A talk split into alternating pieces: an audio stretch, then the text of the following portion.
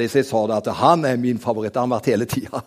Men han fikk ut noe forløsende i går, og jeg håper at Ole Børud kan gå helt til topps. Og så er det så fint.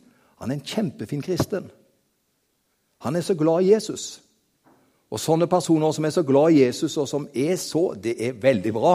Så Derfor er det en av grunnene også til, som gjør at jeg heier på Ole Børud i Stjernekamp. Så da vet du at pastoren ser på Stjernekamp på lørdagen på TV. Så jeg er veldig normal, regner jeg med.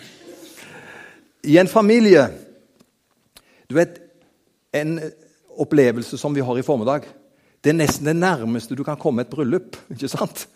For bryllupet, da starter det, og er jo resultatet av et bryllup er jo slik som en er med på nå flere ganger. ikke sant? Så Derfor blir det litt sånt uh, linka litt opp til. Uh, for det, det har med ekteskapet gjøre, med et bryllup, og så har det med etter hvert så kommer barna. Og så er det feiring i menigheten. Det syns vi er veldig flott. Men i et familieliv Vi har fire barn, og det er en aldersspenn på de fire barna på åtte år. Den eldste blir 30, og så den yngste da var akkurat 22. Vi har to adoptivsønner og så har vi to fosterdøtre. Men vi har fire til sammen da, innenfor det spekteret på åtte år. Og når eh, de to fosterjentene kom til oss, det var i år 2000 eh, Da var den yngste av de to jentene vi fikk, var tre og et halvt år. Og så hadde de vært hos oss noen år, og da var hun yngste jenta kanskje blitt åtte år. Og Jeg var pastor i Lyngdal misjonskirke på den tiden og var ute en mandagskveld i forbindelse med oppdrag i menighetsregi. Og Så kommer jeg hjem klokka halv ni. Da bodde vi i Kvinesdal. Og Da satt de fire barna rundt kveldsbordet, og de spiste og hadde hatt en veldig intens dag bak seg. Hun yngste jenta hun reflekterte og tenkte på Tenk hva vi har vært med på i dag. De var blitt kjørt til korps, skolekorps. De var blitt kjørt til svømming, svømmehallen. Og til og med mamma hjalp barna med lekser. Altså Det var en intens ettermiddag og kveld. Og så var kveldsmaten klokken halv ni cirka. Så kommer jeg inn, vet du, pastoren inn, og satte meg ved bordet. Og så tenker Hanna, yngstejenta det gikk nok gjennom henne hva alt mamma har vært med på i dag. Og så sier hun, 'Pappa', sa hun. 'Hvordan tror du det hadde gått hvis du og mamma hadde byttet rolle bare for én kveld?' Og Hanna er smart jente. Hun tenkte sitt. Og da tenkte jeg her ligger det noe muffens under. Siden du stiller det spørsmålet, så jeg tenkte jeg skal ikke være for raskt ute og svare. For jeg hadde jo et svar. Men så sier jeg, 'Hanna, hva, hva tenker du om det?' Hvis mamma og pappa hadde bytta en sånn rolle slik som på en kveld som dette, så kommer det kontant fra Hanna. Det hadde aldri gått. Og Derfor er det et uh, hurra for mamma og mor, som ofte må gjøre mest av de oppgavene, og det er fantastisk hva som skjer. Da står det en tekst på veggen. Og Jeg må snu meg for å se den, for i dag får vi ikke den der nede. Men jeg har ikke så mye tekst. Men det er det jeg skal snakke om i formiddag. Den aller beste vei. Jeg leste det også når vi var samla før gudstjenesten i dag. og Det var en som kom til meg og spurte du, jeg får jo ikke svaret. Hva er den aller beste veien? For han skulle ned og drive søndagsskole. Så snakket vi litt, men nå skal jeg bare lese litt om det, og så skal jeg tale om den beste veien. Men dere kan be til Gud. Det er det siste verset i 1. Korinterne kapittel 12. Men dere kan be til Gud om å få den nådegaven som er til størst nytte i menigheten. Og så kommer neste setning. Likevel vil jeg vise dere en enda bedre vei. Altså, Vi er så heldige her at det står at vi kan få lov til å be om den nådegaven som er til størst nytte i menigheten, det kan vi lov å be om. Men så svarer allerede Paulus på det. Likevel vil jeg vise dere en enda bedre vei. Og det er den veien, veien som er enda bedre. Det er den beste veien som jeg skal tale om i 20 minutter her i formiddag. Dette kapitlet som jeg nå leste, siste i 1. Korinterne 12, det er innledningen til kanskje det mest kjente kapitlet i Bibelen. Og jeg har hatt mange vielser gjennom masse år som pastor. Og den teksten som jeg har brukt oftest når jeg har talt i bryllup til brudepar, det er det som står i 1. Korinterne 13, det det som er kalt for kjærlighetens høysang. Hvor kjærligheten blir veldig flott beskrevet. Og det er liksom et mål som vi kan strekke oss til. Og det kapitlet avsluttes jo med de kjente ordene. Så blir de da stående, disse tre. Tro, håp og kjærlighet. Og størst blant dem er kjærligheten. Så kjærligheten det er på en måte, det er den beste veien. Den ruver over alt annet. Men bare som et bakgrunnsteppe før jeg skal snakke om den beste veien. I kapittel 12 og i kapittel 14 i første Korinterbrev Altså de kapitlene som omgir kapittel 13, som er kjærlighetens høysang. I de kapitlene så taler Paulus til menigheten i Korint, en kristen menighet. Og det han sier der, det er at det er viktig med nådegaver. Det er viktig at noen i menigheten kan komme med budskap i tunger. Det er viktig at noen kan tyde. Det er viktig at noen kan komme med profetisk budskap. Eh, noen som kan prøve ånder, noen som kan komme med helbredelsens nådegave. Altså alle disse flotte nådegavene som Paulus underviser om, underviser han på den måten at dette er til stede for menigheten, og det skal løfte menigheten når disse nådegavene er i funksjon. Og Jeg håper ikke at noen her i formiddag er negativ til nådegaver. Kanskje har vi hørt noe som har skremt oss noen ganger. Jeg husker jeg vokste opp i et, i et miljø hvor, hvor, det var noen som snakket så høyt i tunger at folk ble redd. Så måtte en bare si det at de, de, de er ikke galne. De bare oppfører seg litt sånn spesielt under gitte anledninger. Men det går an å undervise og si at dette her er ikke noe vi skal være redd for. Det er noe som er positivt. Det er noe som er med oss og løfter oss opp. Men kanskje vi har en eller annen opplevelse fra en eller annen nådegave som gjør at det, ja, det var ikke helt bra. Men vi tar, ikke utgangspunkt i det som på en måte ikke klaffa. Vi må ta utgangspunkt i det gode. Og da er nådegavene ment for å være med å løfte opp den måte som Gud kan tale til oss gjennom disse nådegavene. Og så kan han åpenbare ting som blir veldig, veldig flotte. Men midt i det han nevner hvor flott det er med nådegavene, så sier han, og det ønsker jeg å understreke i min tale i formiddag, det er noe som er enda bedre. Og da ønsker jeg å ha det som er nest best, selvfølgelig, men jeg vil iallfall ha det som er enda bedre. Skjønner du det? Vi skal ha det som er nest best. Det er nådegavene. Og så vil vi ha det som er absolutt best. Det er kjærligheten. Og hvis disse tingene kan få gå hånd i hånd, da blir det veldig bra. Og så skal vi få neste bilde opp på skjermen. Der står det om viktige ting i begynnelsen på 1. Korinterne kapittel 13. Viktige ting som nådegaver har i seg. Og det får unnskylde at jeg må snu meg litt, for jeg har ikke bildet der. Men der ser dere noen av de tingene i 1. Korinterne 13 som blir vektlagt som viktige ting. Det første er veltalenhet. Hvem elsker ikke personer som er veltalen? Vi skulle hatt enda mer av det, ikke sant? Altså, Tenk noen har sånne talegaver at vi merker bare å, det sitter der. Virkelig veltalenhet. Så En av de tingene som Paulus løfter opp som en god sak i begynnelsen på kapittelet, det er veltalenhet. Det andre er om du har profetisk gave.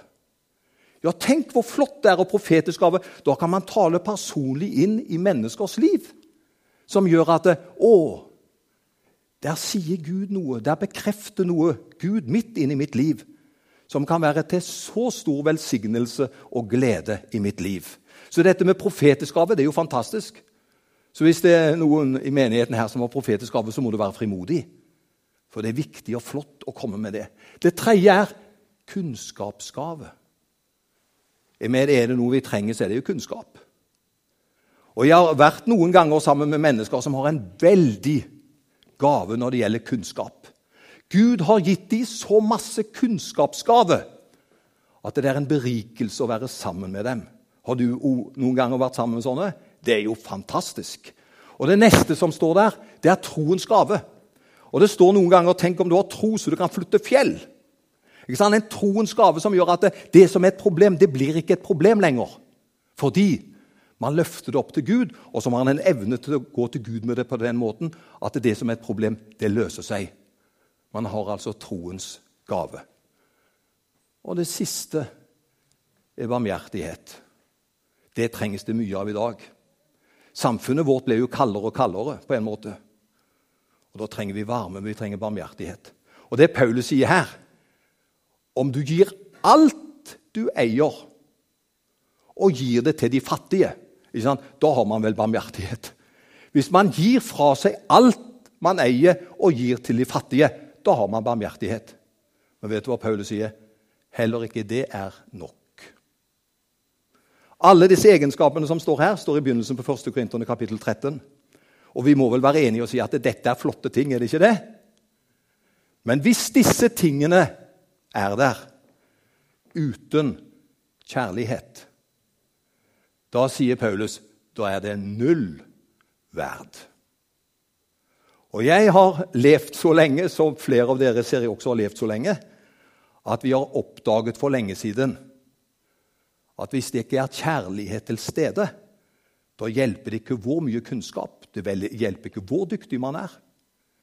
Det hjelper ikke hva man kan verte opp med, for i neste omgang kan man dra det ned. Fordi man viser en ukjærlig holdning.